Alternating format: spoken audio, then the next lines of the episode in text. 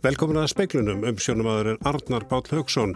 Félagsmenn eblingar sem starfa hjá öðrum sveitarfélögum er Reykjavík greiða atkvæði um verkvöld eftir helgi. Einni verða greiðt atkvæði um samúðarverkvöld á engaregnum skólum í Reykjavík.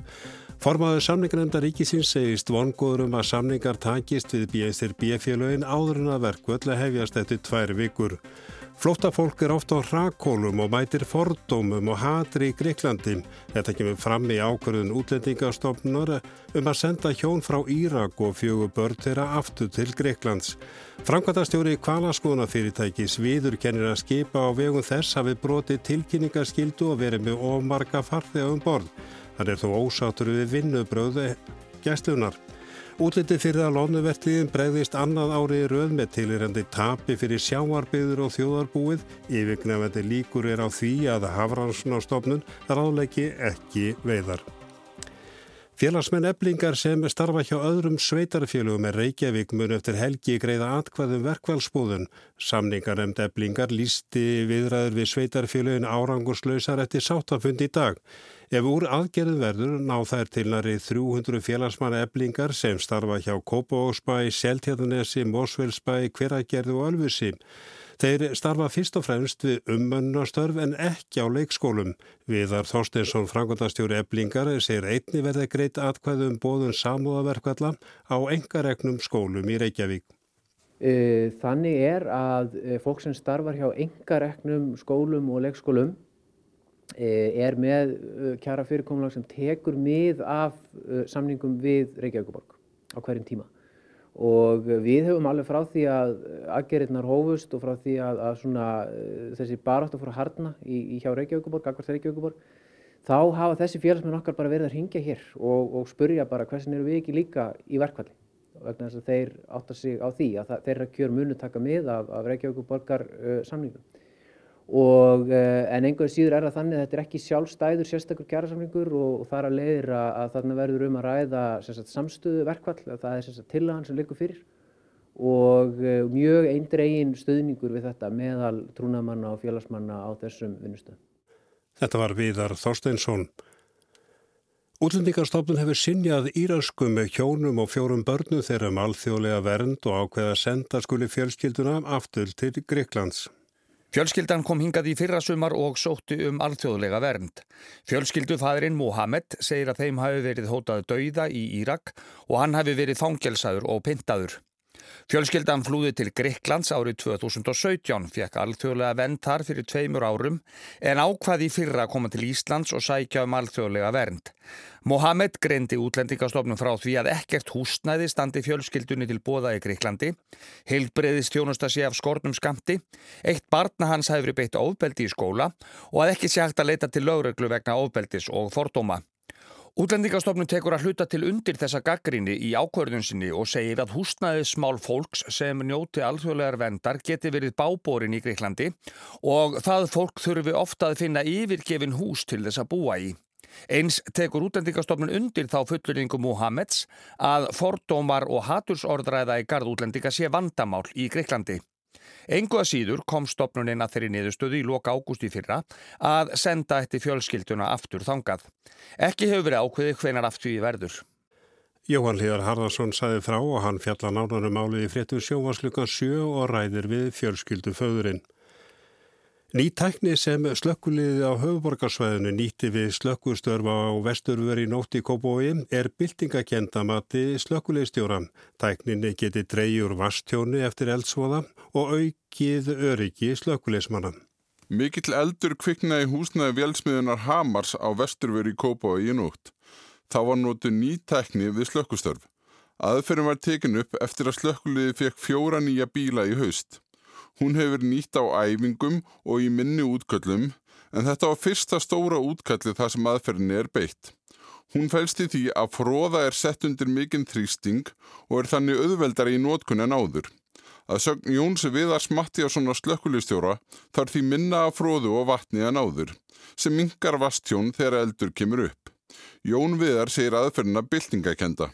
En aðal byltinginu er runur í mínu huga öryggistasmanna því að menn gera sér ekki alltaf grein fyrir að það að sinna slökkustarfi er raunur mjög hættulegt Þannig að þú þarft alltaf að hafa bestu tæki og, og vera örugum með alltaf svona rástafanir sem að uh, tryggja það að þú stefnir sjálfur ekki í hættu.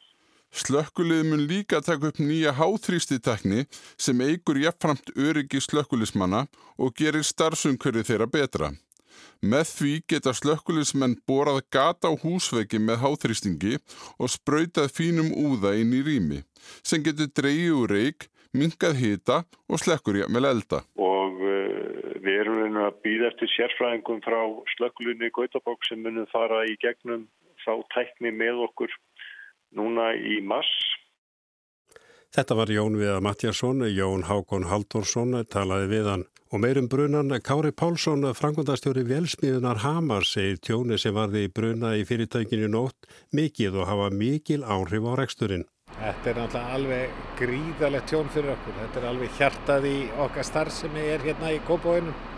Við erum með smiður út um all land og, og er hérna fyrir forveinsla fram og þetta er náttúrulega alveg agarlegt að tapa, tapa þessu. Er eitthvað að ímynda sér hversu mikið tjón þetta er? Ég á ekki töluna, þetta er, þetta er gríðalegt. Kárið segir nágranna í fyrirtækinu Rafnar í næsta húsi hafa bóðið húsnað undir smiðuna.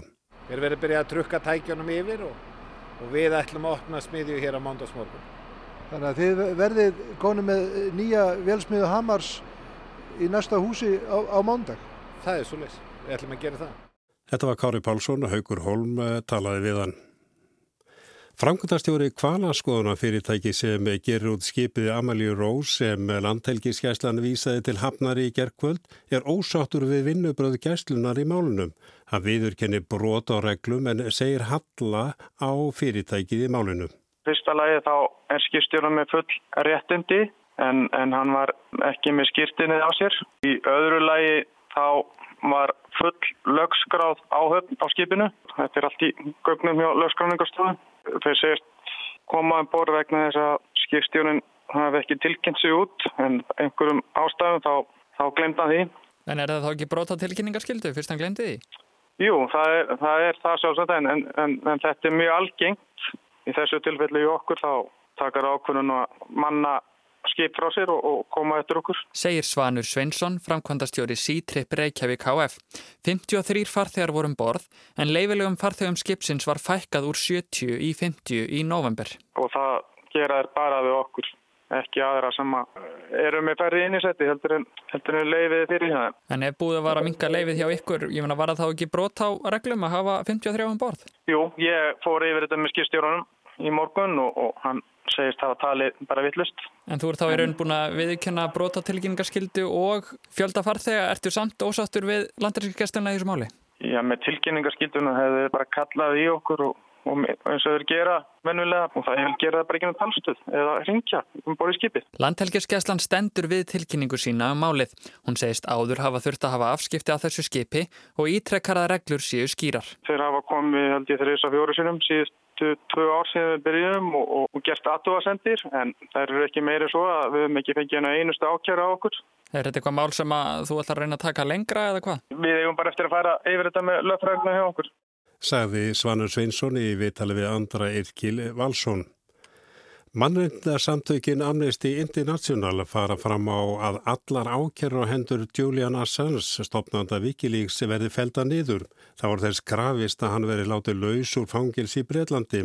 Assange á yfirhauði sér alltaf 175 ára fangilsi verðan sakveldur í bandarækjunum. Amnesty byrti áskorun á vefsínum í dag þar sem Julian Assange er byggðið griða. Farið er fram á að bandaríkjaman felli nýður allar ákærur og hendur honum um njóstnir og aðrar sakir og sömuleiðis að brettar látan lausan úr fongelsi. Assange á að koma fyrir rétt á mánudag þar sem krafa bandaríkjamanna um framsal verður tekin fyrir. Í áskorun Amnesty segir að framselji brettar Assange til bandaríkjana fremið þeir gróft mannréttindabrót. Mynd er á að hann hafi á Wikileaks vefnum byrt leyniskjöl þar sem fram hafi komið að hugsanlega hafi bandarækja er framið stríðsklæpi. Verðan dæmdur fyrir það jafngildi það árás á tjáningarfrelsið. Ef Assange verður framseldur til bandaríkjana verður hann ákjærður í átján liðum. Verðan sakveldur í þeim öllum á hann yfir höfði sér alltaf 175 ára fangelsi. Hann hefur settið í fangelsi í Breitlandi frá því í vor þegar hann var handtekinn í sendiráðu Ekvadors í Lundunum. Hann er sagður við slæma heilsu. Áskir Tómasson sagði frá.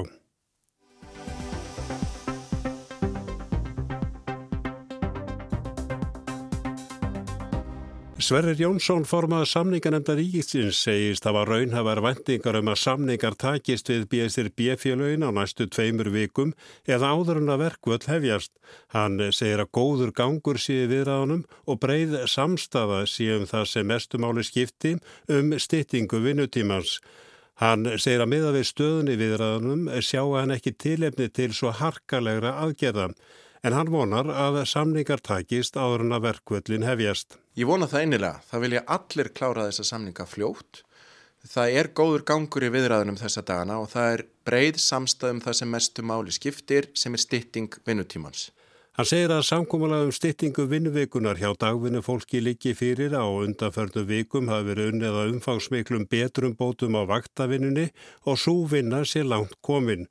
Viðræðuna núna séu meira byrjar að snúast um launaliðin og annað. Hann eh, segist að var trú á að samkóla náist í friði ef næstu vikur verði nýttar vel. Og ég hef trú á því að ef viljir til þá náum við saman og það er stittur á milli en margur mætti að halda. Sverrir hefur áður sagt að góður gangur sé viðræðanum. Hann gerði það í haust og í byrjun ásins þegar hann taldi samninga í höfn á næstu vikum.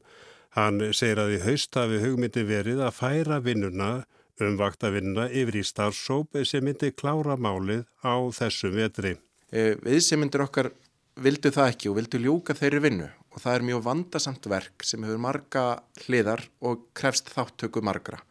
Nú er svo vinnað baki og það er ekki tví til fyrirstöðu að ljúka samningum. En hver er staðan í deilunni? Viðræður um styttingu vinnuvikunar eru mjög langt komnar en enn er deilt um hvernig reikna í yfirvinnum. Það er líka tekist á um breytingar á orlofi. En er launaliðurinn komin á blað? Launaliðurinn er komin á blað og það er rétt að geta þess að við höfum þegar lokið samningum við stóra hópa ríkistarsmanna. Búið sé að semja við rúmlega helming félagsmanna BHM samningum með sér lokið við innamenn og í vikunni hafi verið samið við félug innan starfskrinarsambansins. Það eru bráðum 11 mánuður frá því að samningar losnuðu og fljótlega geta þessar viðræður haldið upp á eins ás amali. En er það verjandi að þetta taki svona langan tíma? Þetta hefur vissulega tekið langan tíma og það vilja allir ljúka þessu. Eh, við eigum í samtali við breiðan hóp í mörgum bandalúm að ræða um málefni sem allir eiga samíleg. Okkur auðnaðist ekki að fá samtal á einu samílegu borði við alla um þessi samílegu mál. Það hefur tafið fyrir. Það gekk í vaktavinnunni og það komi ljós að svo vinna tók rúmlega þrjár vikur og hún gekk mjög vel. Þetta hefur sannlega tekið langan tíma og það er komin þreyti í mannskapin en nú er okkar mati staðan svo að það er ekki tí til fyrirstöðu að sitja við og klára næstu tværi vikur verða drúar uh, og örglega setja fram á kvöld einhverja daga en það er allt í lagi við ljúkum þessu uh, vonandi innan tveggja vekna. Ef ekki tekst að semja fyrir 9. mars hefjast verkvöldu BSRB, bæði skamtímaverkvöld og ótímabundin og það er ljóst að þessi verkvöld munu fljótlega hafa áhrif á almanna þjónustuna þau muni hafa mjög mikil áhrif. Þetta er, uh, svo þjónusta sem sinnir almenningi í sinni viðkvæmustu stöðu. Jafnframt eru þær tilugur sem eru á borðinu ætlar til að mæta kröfum stjættarfélagana um að jafna kjör og aðstæður á milli markaða. Við höfum unnið að því. Það eru umfangsmiklar vinnutímabreitingar sem þegar liggja fyrir. E, launaliðurinn er e, tilbúið ríkisins e, samræmist í sjónameði að leggja áherslu á lægstu laun og tryggja kaupmátt e, hinn að tekja herri. E, þannig að launaliðurinn stennst allan samanbur við þá samningar sem gerður hafa verið í landinu undanfarið ár. Það hallar á engan í tilbúið ríkisins. Þú millist þið mitt á jöfnun launamilli markaða. Það er að því verðist skíluskrafa að það verði stíin einhver skref í þá átt í þessum kjæra samningum en er það svo að það verði, verður ekki gengið frá því máli í þessum samningum? Krafan um jöfnun launamilli markaða leiðir af umfangsmiklum breytingum á lífeyriskjörunu síðan 2016. Þar var samið um að fara í vinnu til að meta laun á milli markaða og jafna þar sem hallað á. Svo vinna hefur gengið vel og stendur ennþá yfir. Skuldbendingar ofinbæra launagreðenda voru að fram, fara í jöfnunina þegar niðursta þessa starfsópslægi fyrir. Niðurstaðan liggur ekki fyrir, vinnan gengur vel og að henni lokinu munu launagreðendur efna þetta lofórð. Frá því hefur gengið og það hefur yfirlýst. Nú þurfum við að vinna því að tryggja framgang verkefnisins vel og mögulega styrkja stóðir nefndarinnar sem er að störfum og komist hópurinn að niðurstöð á samningstímanum er ekki tvítir fyrirstöð að hefja jöfnununa þegar það er að kemur. Þetta þýðir að ekki stendur til að semja um jöfnur launamilli markaða í þessum kjærasamningi. Það er samt sem áður krafa BSRB og fleiri félaga að það verði gert. Sverriri saði hér í upphafi að góður gangur væri í viðræðunum og flest málum mjög langt komin. En skilur hann í því ljósi hvers vegna BSRB félagin er að bóða til all harkalegra verkvalla? Þetta hefur vissilega að tækja langan tíma og félagin og allir viðsefmyndur hafa sínt mikla þólumæði við, við að ganga frá samningum. E, meða við stöðu viðræðina og þann góða gang sem við verið á undanförnum vikum sjáum við ekki tilefni til svo harkulegra aðgerða og ég hef raunhæfara væntingar um það að við náum að ljúka þeim málum sem er út af standandi á næstu tveimur vikum.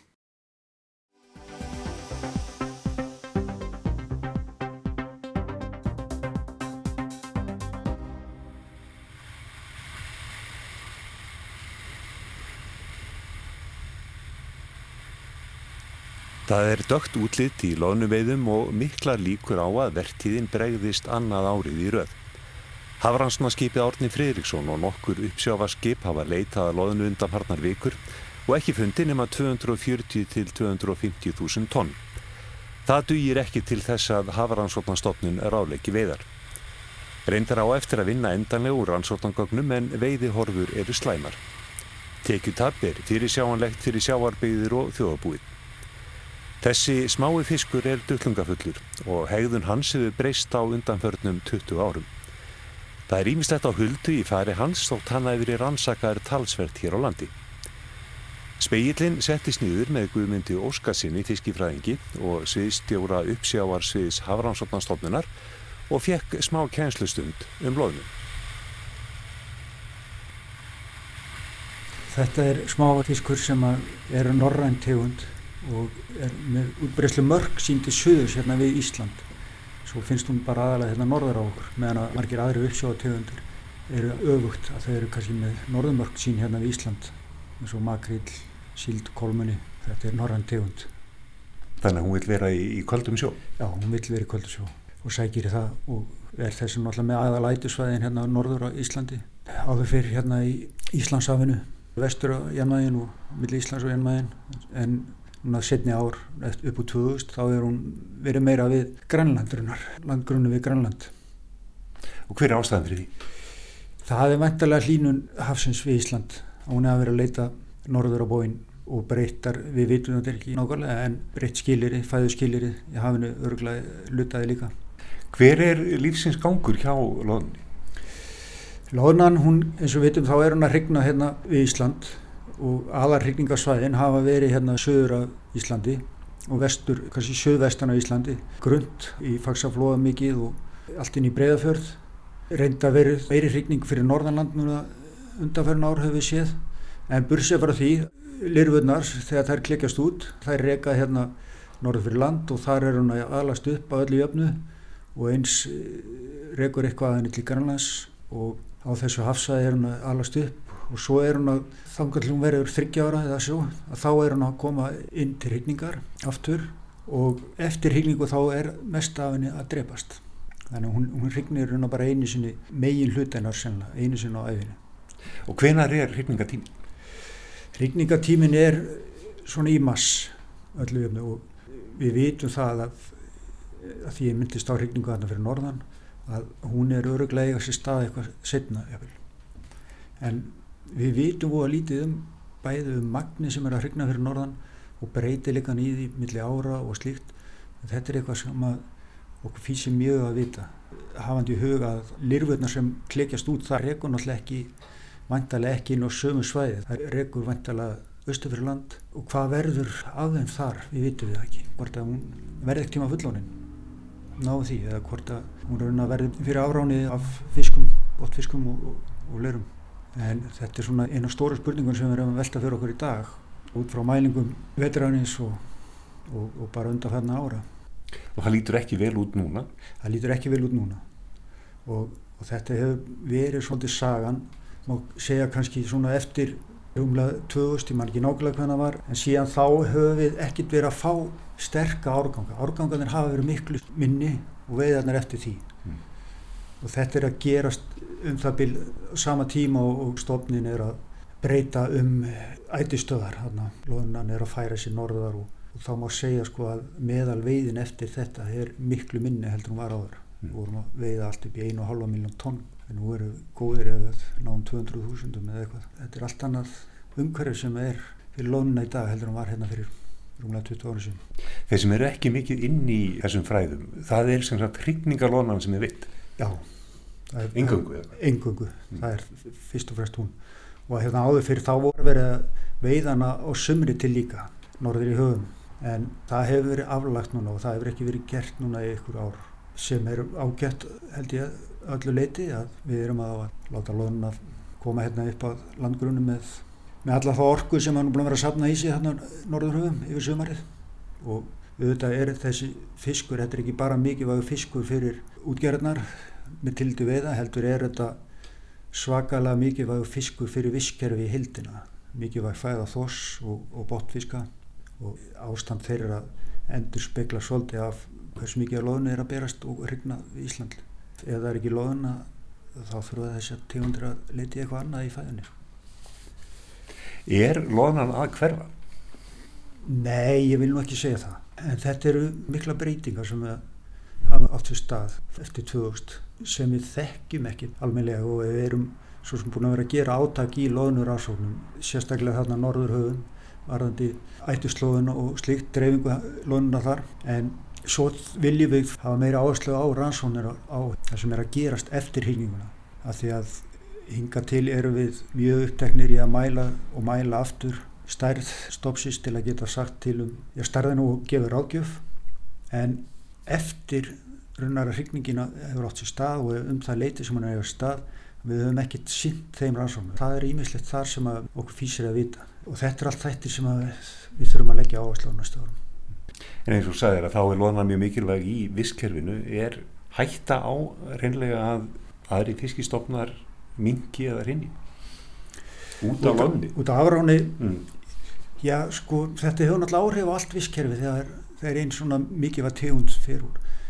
Við vitum alveg að rækjuveðar fyrir norðan land þær hafa minka verulega á sama tíma. Auðvitað er rækjan líka norðan tegund en þorskurinn hefur tekið miklu meira af rækju eftir þetta sem dæmi og hefur þannig áhrif á rækjuveðarnar sem hafa verið mjög littlar rækistofnarnir, innfjara rækistofnarnir hafa verið mjög littlir árið saman og eins ekst náttúrulega afrán bara á aðra uppsjáfisk í stofnaði eins og síld og kolmuna hérna í kontunum, landgrunnskontunum hérna fyrir Sunnaland og Vestan mm. Þannig að þetta spilar allt saman? Þetta spilar allt saman og flókið samspil og það er ekki þetta að vera með eitthvað alhæfingar í slíkt en við vitum það að það er mikið samspil millir þors og loðnum og hefur verið eitt miklu púður í að að skoða það gegnum árum.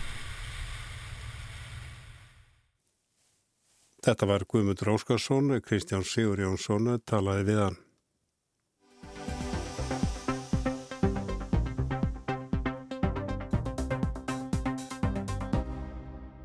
Norskar rafveitur hafa fundið út að arbært er að flytja rafmagn út til Skotlands um sæstreng beðir eftir græni ljósi frá yfirvöldum. En strengurinn á sér marga anstæðinga sem segja aukin alþjóðleg samgefnum orkunam leið af sér herra verð til neytinda. Þetta er eitt erfiðasta úrlausnarefni sem minni hlutastjórn Ernu Solberg í Noregi stendur nú frammi fyrir. Lagning særstrengsins North Connect frá botni Harðangusfjardar í vestur Noregi og til Peterhead í Skotlandi er arðbært fyrirtæki. Það má búast við miljardatekjum á ári allt eftir því hvernig raforku verði í Evrópu þróast. En um leið eikst samkeppnin um raforkuna heima í Noregi og sérfræðingar spáð því að verð á kilowattstund til neytenda geti hækkað um 1-3 norska öyra eða sem svarar til 15-40 öyra í íslenskum krónum. Það er þarna sem nýfurinn stendur í kunni. Ega neytendur að gjalda fyrir orkufyrirtækin hafa fundið arðbæran markað í útlöndum. Anstaðan frá umhverfið sinnum snýst líka um að útflutningur af þessu tægi leiði til enn fleiri virkjana í Noregi, bæða á vatsapli og vindi, með tilherrandi náttúruspjöllum. Meðan ríkistjórn Ernu Solberg var meilhuttastjórn, þar til í janúar þessu ári var meilhutti á stórþinginu fyrir lagningu sæstrengsins. Svo sæði framfaraflokkunum sig úr ríkistjórn vegna ósættis um heimflutning móður og tvekja barna frá Sýrlandi og þar með fór líka meiri hlutastöðningurinn við sæstrengin. Framfara flokksmenn skiptu um skoðun og eru nú í óformlegu bandalegi við græningja sem einni eru á móti fyrirtækinu á samt mörgum umhverfisinnum. Eigendur sæstrengsins, ef afverður, eru fjölmarkir. Fyrst og fremst rafveitur í eigu 47 sveitarfélag í Suður og Vestur Norgi. Þar við bætist að Óslóarborg á hluti fyrirtækinu, einni norska ríkið og sænska orkufyrirtækið Vattenfall. Í öllum tilvikum er það fólkið, almenningur, sem áhina ímsu eigendur sæstrengsins. Og hagnaðurinn er til að styrkja rekstur almenningsrafveitna. Hitt er umdeilt hvernig hagnaðurinn geti komið fram á rafmagsreikningum heimilana sem á endanum eiga þó sæstrengin. Það spá sérfræðinga lítilsáttar hækkun vegna þess að verðlagning á rafmagn er frjáls. Það er uppbóðsmarkaður og eigandur orkunar selja hana hæstbjóðendum sem alvegins geta verið í Skotlandi. Orkupakki 2 á Evróska efnaðasvæðinu ger ráð fyrir aðskilnað á dreifikerfi og orku vinslu. Hér að svo bæjarrafeitur kaupa því orkun á markaðsverði, jafnvel þóttar eigi líka virkjanetnar sem selja orkuna. Sveitafjörlaun sem eiga mest af sæstrengnum til Skotlands græðað en anstæðingarnir efast um að fólkið heimagræði. Sæstrengurinn til Skotlands er því 655 km langur, endanlegt samþyggi liggur ekki fyrir þótt undirbúningur hafi nú staði í 6 ár. Þetta er fjárfesting upp á jafnverði 250 miljardar íslenskar króna, fluttningsgetan er 1400 megavött og rafmagnið er að mestu umframorka og orka sem streymur um raforkukerfi í þessum heimsluta. Þegar árið 1960 tengdust dreifikerfin í Nóri og Svíþjóð og nú þegar likja fjóri sæstringi til Danmörkur og bæði þjóðverjar og hollendingar eru tengdir, auk finna og rúsa í austri. Nú þegar er mikil sala á rafmagni millilanda og sala til Skotlands aðeins viðbót við það sem nú þegar er flutt út. Fylgjendur sæstrengsin segja einnig að fyrirtæki sé umhverfisvænt þegar á heldina litið. Skotar geti lokað mengandi kólaverum ef þeir fá reyna orku frá Noregi. Á það líka benta allir þessi sæstrengir virka í báðar áttir. Skotar geta selt vindorku í róki og keft vassorku í lokni. Nýtingin á ólíkum orkugjöfum verður því betri með meiri tengingum, segja eigendur sæstrengsins. En það er erfitt að selja almenningi þetta menta gróðafyrirtæki ef það leiðir til enn hærri rafmagsreikninga. Jafnveld þó aðeins ég talað um fáin og auðra er það byggt á spá. Nú þegar eiga neytendur erfitt með að átta sig á hvað rafmagni kostar, reikningar eru sundurliðar og floknir og tortrygni ríkjandi í það minnsta ef reikningurinn er hár. Fyrir vikið vex andstaðan við tenginguna til Skotlands og óvíst hvort nokkuð verður af. Og það var Gísli Kristjánsson í Oslo sem að saði frá en við sögðum frá því speklunum í kvölda félagsmenn eblingar sem starfa hjá öðrum sveitarfélugum enn í Reykjavík greiða atkvæðum verkvöld eftir helgi. Einnig verða greiðt atkvæðum eh, samúðar eða samstöðu verkvöld á engareknum skólum í Reykjavík. Formaður samningarnemnda ríkisins segist vongóður um að samningar tækist við BSRB félugin áður en verkvöld hefjast eftir rétt rúmar tvær vikur. Flótafólk er ofta á rakkólum og mætir fordómum og hatri í Greiklandi. Þetta kemur fram í ákvarðun útlendingarstofnunar um að senda hjón frá Írak og fjögur börn þeirra aftur til Greiklands. Samtökin Amnesty International fara fram á að bandaríkin falli frá ákerum á hendur Julian Assange um njóstnir og önnu brot. Hann á yfir höfði sér alltaf 175 ára fangilsi verðan sagkveldur Vestanhafs. En það er ekki fleira í speiklunum kvöldu. Tæknimar var Ragnar Gunnarsson, Verðið sæl og góða helgi.